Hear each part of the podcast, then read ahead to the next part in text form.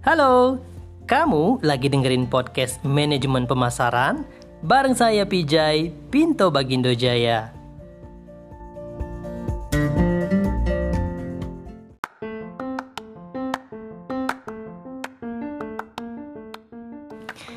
Halo teman-teman semua, ketemu lagi barengan Pijay dan kali ini podcast kita akan membahas tentang manajemen pemasaran. Kalau sebelumnya kita sudah bahas tentang manajemen bisnis, nah sekarang kita akan fokus tentang manajemen pemasaran.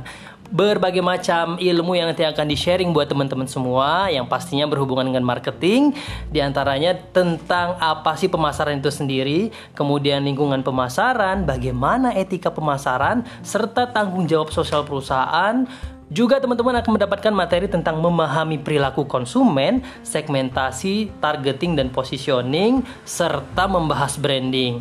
Nggak lupa juga nanti kita akan bahas tentang produk, kemudian bagaimana kamu harus menetapkan harga, distribusi, kemudian komunikasi pemasaran, serta bagaimana tentang pemasaran global dan juga e-marketing. Semuanya akan kamu dapatkan di podcast season sekarang yang fokus tentang membahas pemasaran. Jadi simak terus tiap episode dari podcast ini, oke? Okay?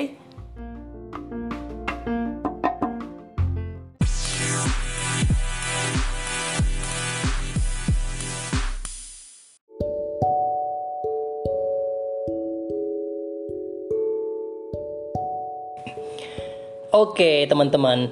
Pada pertemuan awal ini kita akan bahas kenapa sih pemasaran itu penting banget. Nah, dalam bab ini ini akan mengupas apa itu pemasaran, berbagai orientasi pemasaran, fungsi dan peran dari pemasaran serta proses penciptaan nilai melalui aktivitas pemasaran. Nah, teman-teman seperti halnya kebanyakan disiplin ilmu bisnis, cikal bakal ilmu pemasaran atau marketing dapat ditelusuri dari ekonomika. Pada awalnya, pemasaran adalah bagian dari ekonomika. Fokus utama pemasaran adalah fungsi atau aktivitas distribusi produk yang menghubungkan produsen dan juga konsumen. Sementara ekonomika menekankan fungsi produk dan konsumsi. Konteks utama pemasaran saat ini adalah komoditas pertanian. Jangan bayangkan loh pemasaran di awal perkembangannya dulu sekompleks dan secanggih sekarang. Branding, media sosial, produk digital, e-marketing dan lain-lain belum berkembang seperti sekarang. Sekarang kita udah gampang banget nih pengen beli apa sesuatu semua ada platform digitalnya. Ini bagian dari marketing yang sudah semakin berkembang ya teman-teman. Baik, secara materi Kata marketing ini masuk dalam kosakata bahasa Inggris pertama kali pada tahun 1561. Perkembangan pesat berlangsung pasca revolusi industri di abad ke-18. Bahkan sebagai pakar menyebutkan bahwa asal muasal pemikiran pemasaran modern dapat ditelusuri pada karya klasik Adam Smith di tahun 1776 yang berjudul An Inquiry into the Natural and Cause of the World The Wealth of Nations. Dalam buku tersebut, Adam Smith menekankan pentingnya memperhatikan kepentingan pelanggan. Dalam perkembangan berikut, disiplin ilmu pemasaran meminjam beraneka konsep konsep dari disiplin ilmu lainnya seperti psikologi, sosiologi, antropologi dan juga matematika serta yang lain. Baik, secara teori Pemasaran adalah aktivitas serangkaian institusi dan proses menciptakan, mengkomunikasikan, dan juga menyampaikan, dan juga mempertukarkan tawaran atau offerings yang bernilai bagi pelanggan, klien, mitra, atau masyarakat umum. Ini menurut American Marketing Association. Tapi beda lagi nih guys. Menurut UK Chartered Institute of Marketing, pemasaran adalah proses manajemen yang mengidentifikasi, mengantisipasi, dan menyediakan apa yang dikehendaki pelanggan secara efisien dan juga menguntungkan. Baik, lingkup pemasaran dapat dijabarkan ke dalam beberapa elemen utama sebagaimana diilustrasikan yaitu melalui pemasaran adalah individu maupun organisasi yang mencari respon, baik berupa perhatian, pembelian, donasi, maupun suara dukungan dari pihak lain. Setiap pemasar memiliki berbagai macam tujuan yang ingin diwujudkan, seperti survival atau kelangsungan hidup, tujuan finansial atau penjualan dan laba, tujuan strategik, pangsa pasar, pijakan bisnis, pengalaman bisnis, jejaring bisnis, dan seterusnya.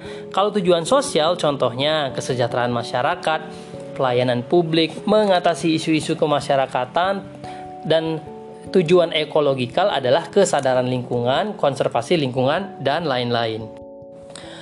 Nah, tujuan-tujuan tersebut dicoba untuk diwujudkan melalui penawaran berupa produk.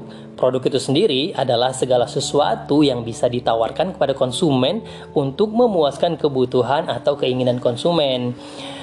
Bentuk produk ini bisa terdiri dari 10 macam nih teman-temannya, yaitu barang, contohnya sepatu, komputer, smartphone, kemeja, dan lain-lain.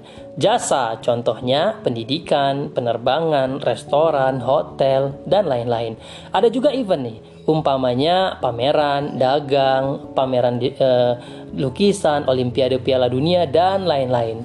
Ada juga pengalaman, contohnya seperti eh, kita jalan-jalan ke studio eh, Transmart misalnya itu experience ya atau juga e, bentuk yang lain adalah orang. Kenapa dikatakan orang ya? Contohnya calon legislatif, politisi, artis, musisi, mereka semua menjual diri mereka dalam artian positif. Kemudian ada lagi bentuk properti, perumahan, real estate, saham, obligasi dan lain-lain. Ada juga organisasi, contohnya partai politik, universitas, museum dan lain-lain. Ada juga informasi, yaitu kalau dulu ada buku ya mungkin sekarang sudah berubah jadi e-book sekolah majalah search engine dan seterusnya ada juga gagasan konsep bisnis ya. Kemudian ada TQM atau Total Quality Management.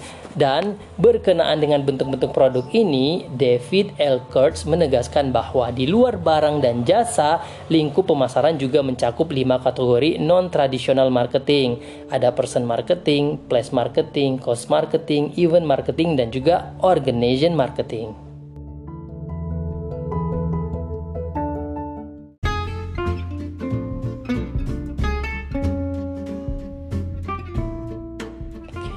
Oke, balik lagi ya.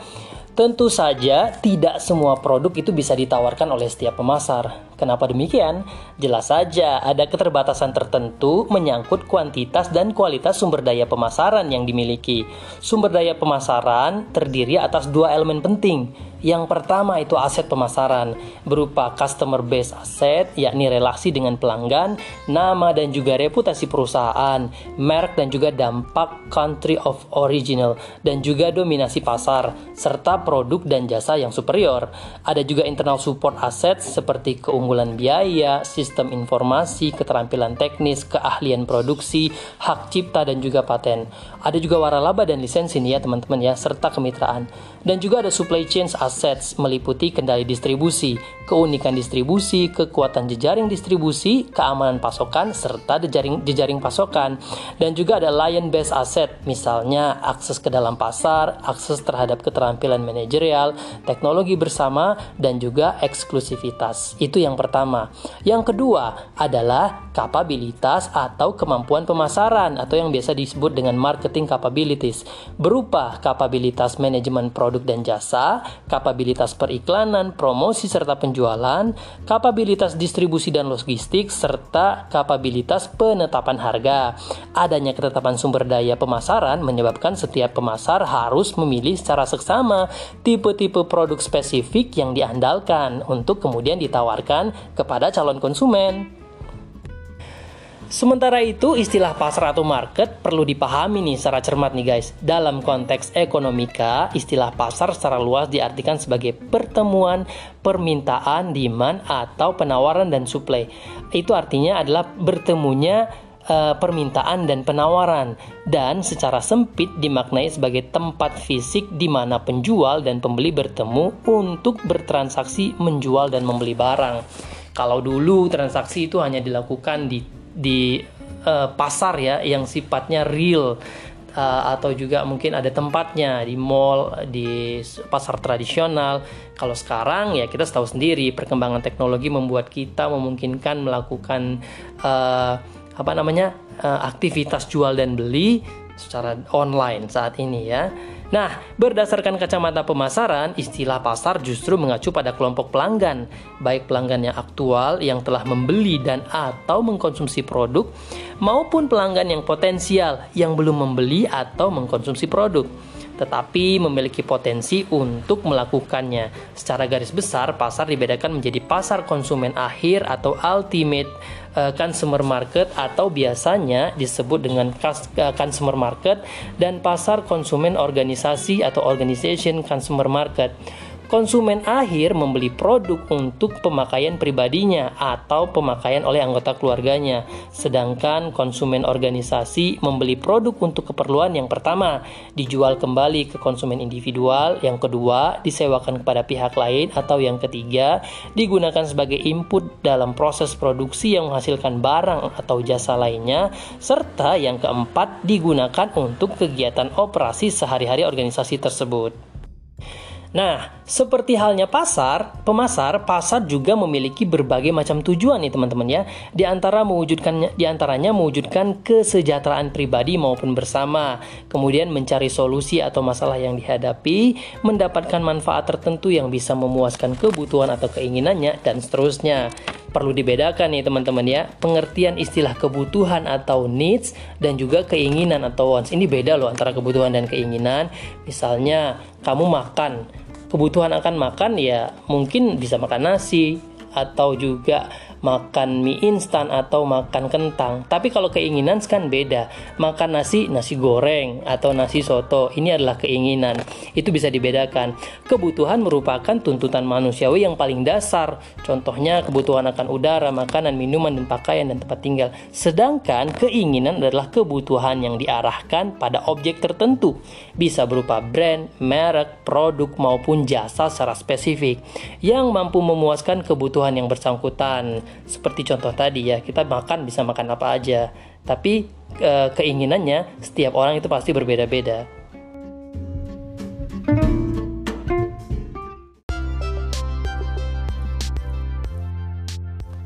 Baik, tadi kita udah bicara tentang kebutuhan dan juga keinginan. Nah, teman-teman, kebutuhan dipengaruhi oleh karakteristik pribadi.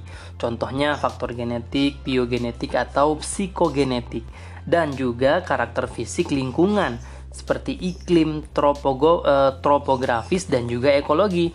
Sementara keinginan dipengaruhi oleh konteks individual seperti personal world, konteks institusional dan konteks kultural dan juga konteks lingkungan termasuk di situ dalam ekonomi, teknologi dan juga kebijakan publik.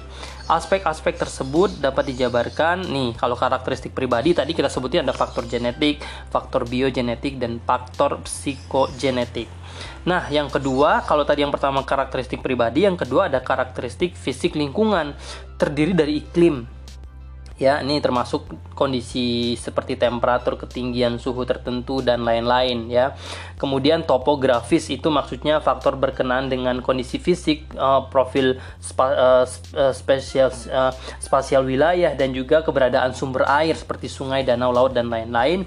Kemudian adalah karakter fisik lingkungan terdiri dari ekologi nih ya.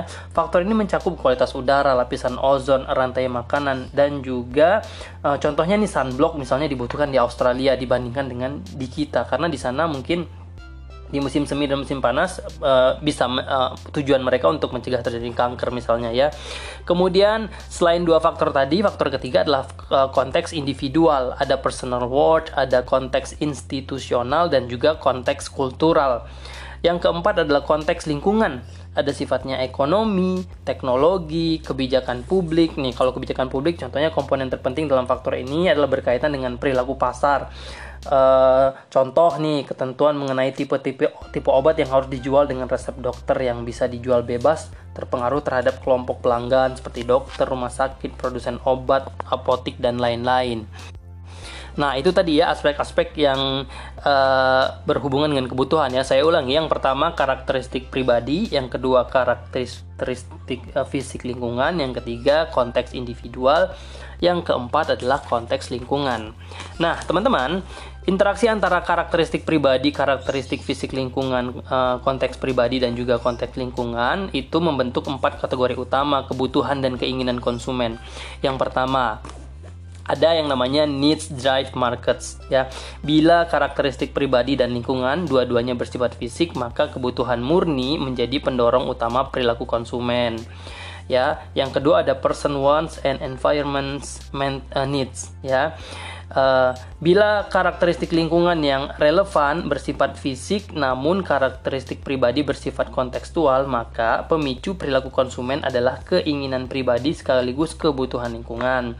Ada juga personal needs and environmental wants. Jika karakteristik pribadi yang relevan bersifat fisik, namun karakteristik lingkungan justru kontekstual, ekonomik, teknologi, kebijakan publik, dan lain-lain. Contohnya ya, antara makanan yang bisa dimasak dengan microwave, home shopping, networks, dan sebagainya. Dan yang keempat ada wants driven markets. Apabila karakteristik lingkungan dan pribadi bersifat kontekstual, maka perilaku konsumen dikendalikan oleh keinginan murni. Contohnya meliputi pembelian barang seni, koleksi barang antik, nonton teater, dan lain-lain. Jadi semua itu disesuaikan dengan kebutuhan needs dan wants-nya ya teman-teman ya. Dan juga tadi banyak faktor, ada faktor uh, topografis, uh, ada yang biogenetik, ada kultural. Jadi semua itu mempengaruhi ya teman-teman. Jadi setiap orang itu pasti punya kebutuhan, keinginan yang berbeda, tapi tidak semuanya bisa dipenuhi. Penyebabnya adalah keterbatasan sumber daya, baik itu uang, waktu, dan tenaga. Kompetensi, misalnya calon mahasiswa ingin kuliah di Harvard Business School contohnya, namun tidak bisa memenuhi persyaratan seleksi yang ditetapkan. Dan akses terhadap pemasar maupun produknya, misalnya sinyal ponsel belum sampai ke tempat bermukimnya konsumen, misalnya di pedalaman yang jauh ya Keterbatasan-keterbatasan ini membuat setiap konsumen menetapkan skala prioritas dalam pencarian, pembelian, dan juga mengkonsumsi suatu produk. Nah, pertukaran yang yang yang saling menguntungkan dan akan berlangsung bila mana penawaran produk selaras dengan skala prioritas pembelian konsumen. Demikian pula pasar nih ya. Pemasar dan pasar akan puas jika tujuan masing-masing tercapai. Nah, di sinilah letak pentingnya aktivitas dan proses pemasaran yang efektif.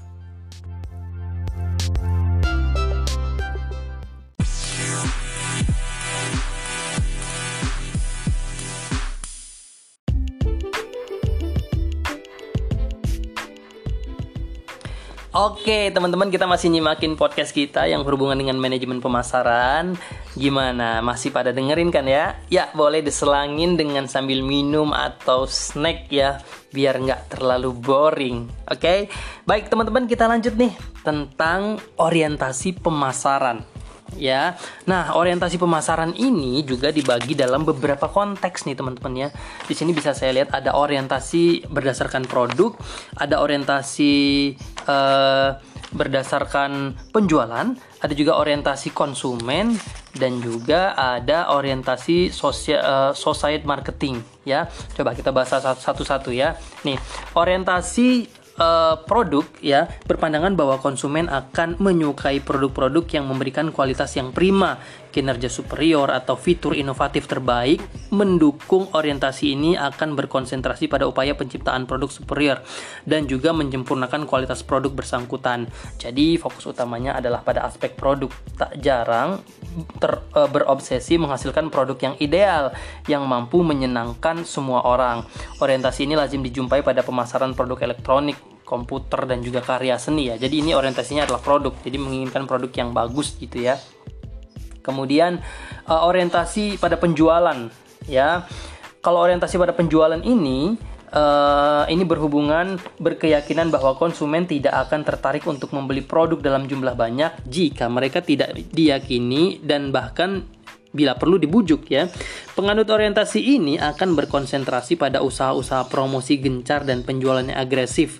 Orientasi bertujuan banyak dijumpai pada penjualan dari on-shelf goods seperti asuransi dan juga ensiklopedia dan pemasaran nirlaba ya. Jadi ini contohnya dia harus promosi dan penjualnya harus agresif. Jadi kalau uh, orientasi penjualan ini contohnya kalau kita suka di prospek sama agen uh, asuransi ya yo. Siapa yang jadi agen asuransi? Biasanya suka gencar ya. Dia harus mempromosikan produknya secara gencar memprospek dengan sering gitu. Jadi bisa menjual dengan orientasi ini. Baik, selanjutnya ada orientasi konsumen ya. Berpandangan bahwa kunci untuk mewujudkan tujuan organisasi terletak pada kemampuan organisasi dalam menciptakan, memberikan dan mengkomunikasikan nilai pelanggan ya. Nah, untuk orientasi konsumen ini uh, suatu produk itu harus memahami dan memuaskan kebutuhan dan keinginan konsumen. Kemudian integritas bauran pemasaran dan penjualan dan laba dari adalah hasil dari kepuasan pelanggan. Nah, teman-teman, karena itu sebagian besar pemasaran berfokus pada tipe pelanggan spesifik yang dijadikan target untuk dilayani ya, sesuai dengan orientasi konsumen. Konsumennya pengen apa nih ya. Lebih lanjut, keberhasilan pemasaran sangat ditentukan oleh kemampuan organisasi dalam membedakan lima jenis kebutuhan. Ada yang namanya uh, state needs, contohnya konsumen membutuhkan sepeda motor yang harganya terjangkau ya. Ada juga real needs. Contohnya, konsumen membutuhkan sepeda motor yang biaya pengoperasiannya lebih murah. Ada juga unstated needs, misalnya konsumen mengharapkan layanan prima dari dealer. Ya, ada juga delight needs ya. Konsumen berharap bahwa dealer memberikan bonus berupa peta kota atau pembelian sepeda motor atau yang lain-lain. Ada juga secret needs, contohnya konsumen ingin dipandang teman-temannya sebagai konsumen yang cerdas dalam memilih produk. Nah, kemampuan dalam membedakan kelima jenis kebutuhan tersebut berdampak pada tiga tipe pemasaran. Ada yang namanya responsive marketing, yaitu mengidentifikasi dan memenuhi stated needs tadi. Ada juga anticipative marketing, yaitu berusaha memperkirakan apa yang dibutuhkan pelanggan dalam waktu dekat. Dan yang ketiga ada creative marketing, yaitu menemukan menghasilkan solusi yang tidak diminta pelanggan namun berpotensi ditanggapi secara serius, antusias. Hal ini terbukti ampuh dalam pemasaran sejumlah produk seperti smartphone, ya, kemudian iPod, laptop, e, dan lain-lain. Nah, kalau tadi ada orientasi produk, ada orientasi penjualan, ada orientasi konsumen, dan terakhirnya ada orientasi society marketing, ya berasumsi bahwa pengembangan, perancangan, dan pengimplementasian program serta proses dan aktivitas pemasaran harus dilandasi dengan kesaling tergantungan antara empat dimensi pokok yaitu internal marketing, integrated marketing, relationship marketing, dan juga performance marketing. Baik, kita bahas satu-satu ya. Internal marketing. Pemasaran internal bertujuan memastikan bahwa setiap pihak baik individu maupun tim kerja adalah uh, dalam organisasi sungguh-sungguh menghayati dan menerapi prinsip-prinsip pemasaran. Fokus utamanya adalah merekrut, menyeleksi, mempekerjakan dan melatih serta memotivasi para karyawan yang bersedia dan sanggup melayani pelanggan dengan lebih baik. Lingkup pemasaran internal bukan saja mencakup fungsi pemasaran seperti periklanan, layanan pelanggan, dan lain-lain, namun juga meliputi per pengembangan orientas pelanggan pada level manajemen manajemen senior dan departemen lain di luar pemasaran. Selanjutnya, integrated marketing menekankan keselarasan antara elemen bauran pemasaran yakni produk, vari, uh, variasi produk, kualitas, desain, fitur, nama, brand, kemasan, ukuran layanan dan juga garansi, harga, serta promosi dan juga distribusi. Ada relationship marketing, memusatkan perhatian pemasaran pada upaya menjalin dan mempertahankan hubungan jangka panjang yang saling memuaskan dengan empat konstituen utama terhadap organisasi yaitu pelanggan, karyawan, mitra pemasaran, dan juga anggota komunitas finansial. Dan yang terakhir ada performance marketing, yaitu menyeimbangkan tujuan bisnis yang ingin diraih melalui aktivitas dan program pemasaran dengan kepentingan yang lebih luas, baik dalam hal hukum etika, sosial maupun lingkungan. Dengan demikian, ukuran kinerja pemasaran tidak hanya dipusatkan semata pada akuntabilitas finansial saja, namun juga pada ukuran-ukuran tanggung jawab sosial perusahaan. Secara garis besar, tanggung jawab sosial perusahaan atau yang lebih eh, kita sering dengar dengan CSR ini, corporate social responsibility itu dibedakan menjadi empat tipe yaitu tanggung jawab ekonomi, hukum pemenuhan tanggung jawab ekonomi berdasarkan sistem hukum, etika dan juga filantropis berkontribusi kepada masyarakat. Nah, setidaknya ada enam unsur elemen CSR yang banyak dijumpai ya. Jadi kalau kita lihat beberapa perusahaan-perusahaan mereka mengadakan program CSR. Nah, ini adalah bentuk dari performance bagian dari performance marketing mereka.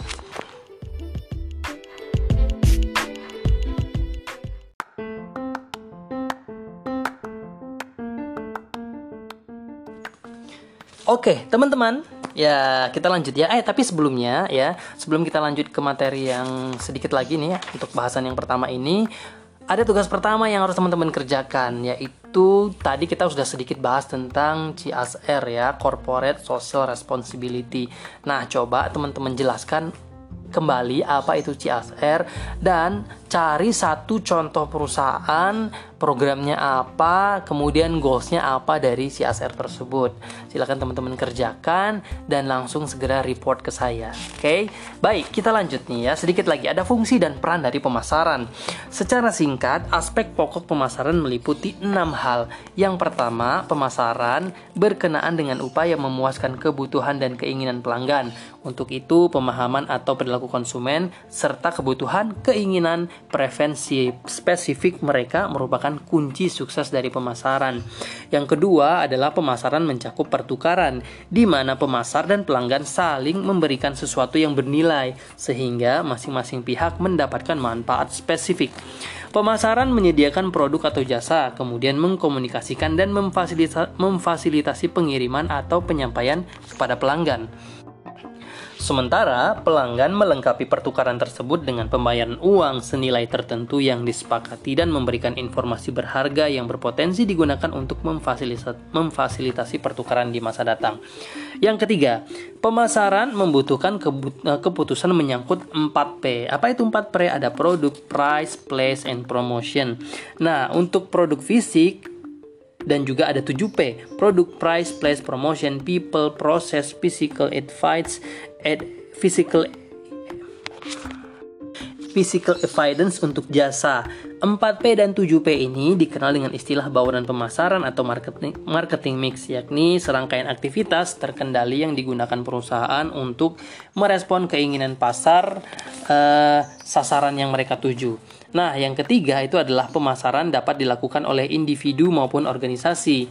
Bentuknya bisa uh, dibagi dari tiga kemungkinan. Nih ada yang pertama yang namanya B2B yaitu business to business yaitu proses menjual produk atau jasa dari satu bisnis atau perusahaan, institusi, organisasi kepada bisnis yang lain itu B2B ya. Yang kedua adalah B2C, business to customer ya, yakni proses menjual barang atau atau jasa kepada konsumen akhir. Yang ketiga ada C2C, customer to customer yaitu konsumen menjual produk atau jasa kepada konsumen lain. Nah, yang kelima ada pemasaran berlangsung dalam berbagai setting atau konteks di antaranya perusahaan bisnis atau profit oriented dan organisasi nirlaba, online dan juga offline, barang berupa fisik, jasa maupun non tradisional marketing. Yang keenam ada pemasaran membantu proses menciptakan nilai atau value bagi pelanggan. Konsep ini mengacu pada hubungan antara manfaat dan biaya atau apa yang diterima seseorang dibandingkan dengan apa yang di apa yang ia berikan. Sebuah produk dipersepsikan memberikan nilai positif apabila manfaat yang diterima lebih besar dibandingkan dengan biaya yang dikeluarkan. Sebagai ilustrasi, manfaat potensial yang mungkin dipersepsikan seseorang bila menginap di hotel berbintang 5 mencakup kualitas layanan, kenyamanan, dan juga merchandise quality seperti kamar, ya, hidangan, dan lain-lain. Sedangkan elemen biaya yang dipertimbangkan mencakup harga kamar, makanan, waktu yang dibutuhkan untuk memesan kamar, dan juga melakukan check-in dan check-out dan juga seterusnya.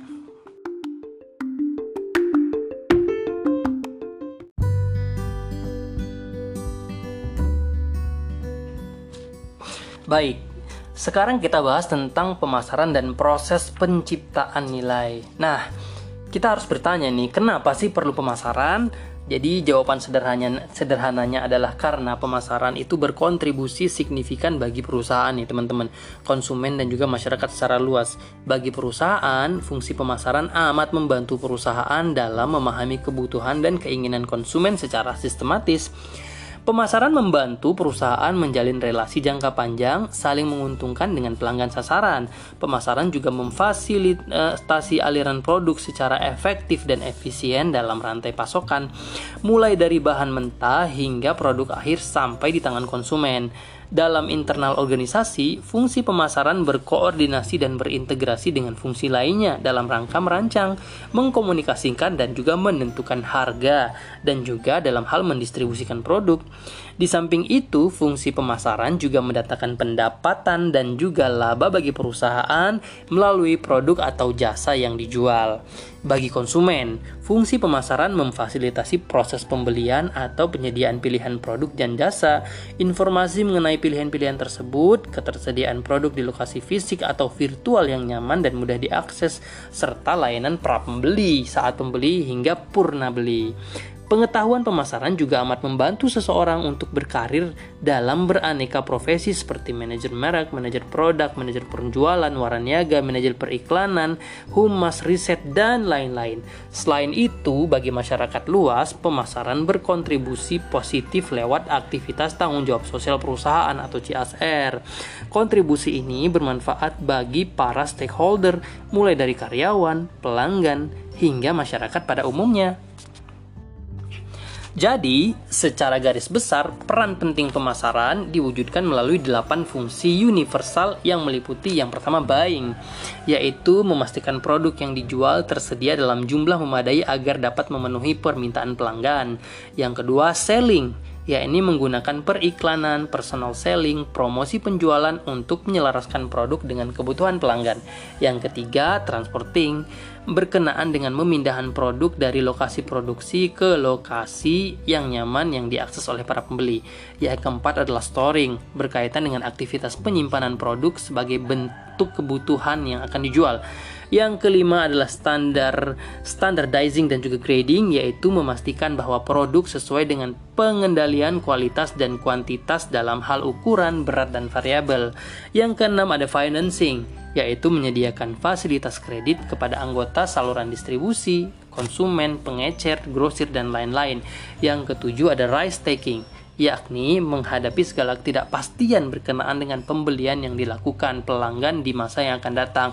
Dan yang terakhir adalah securing marketing information, menyangkut pengumpulan informasi mengenai konsumen, pesaing, dan saluran distribusi demi kepentingan pengambilan keputusan pemasaran. Nah, itu dia secara garis besar ya peran penting pemasaran yang diwujudkan dalam fungsi universal yang sudah saya jelaskan tadi.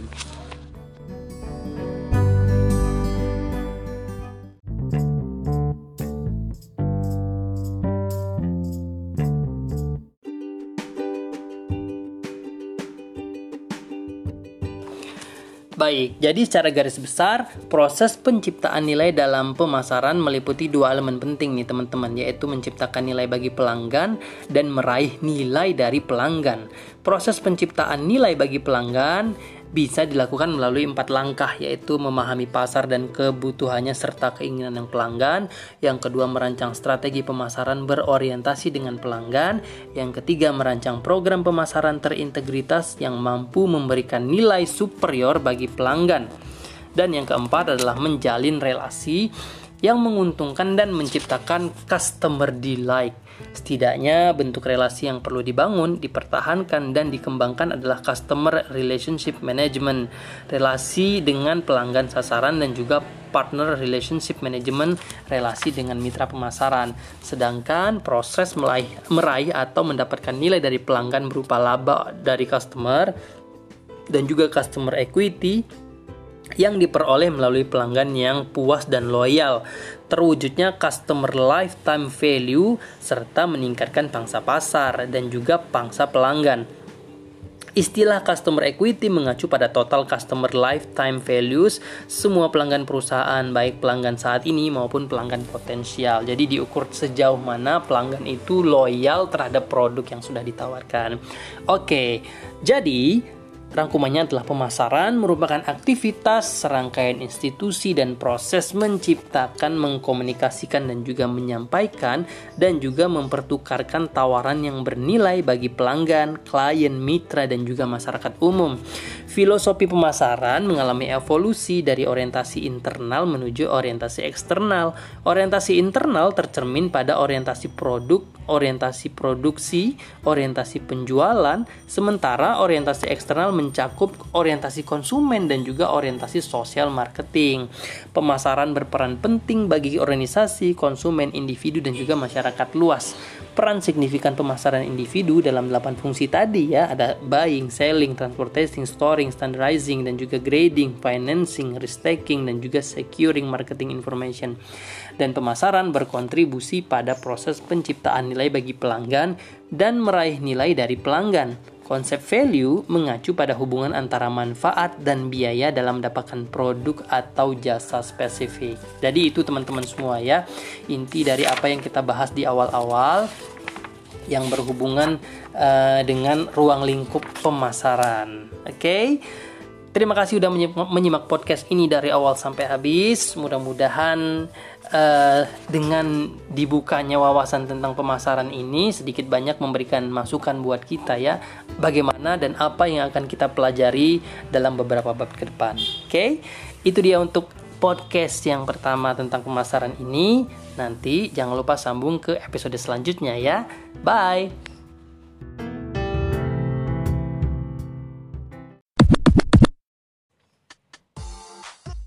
Hai, terima kasih sudah mendengarkan podcast ini dari awal sampai habis yang membahas tentang manajemen pemasaran. Kita akan ketemu lagi dengan podcast selanjutnya dengan bahasan yang berbeda. Dengerin terus ya. Bye.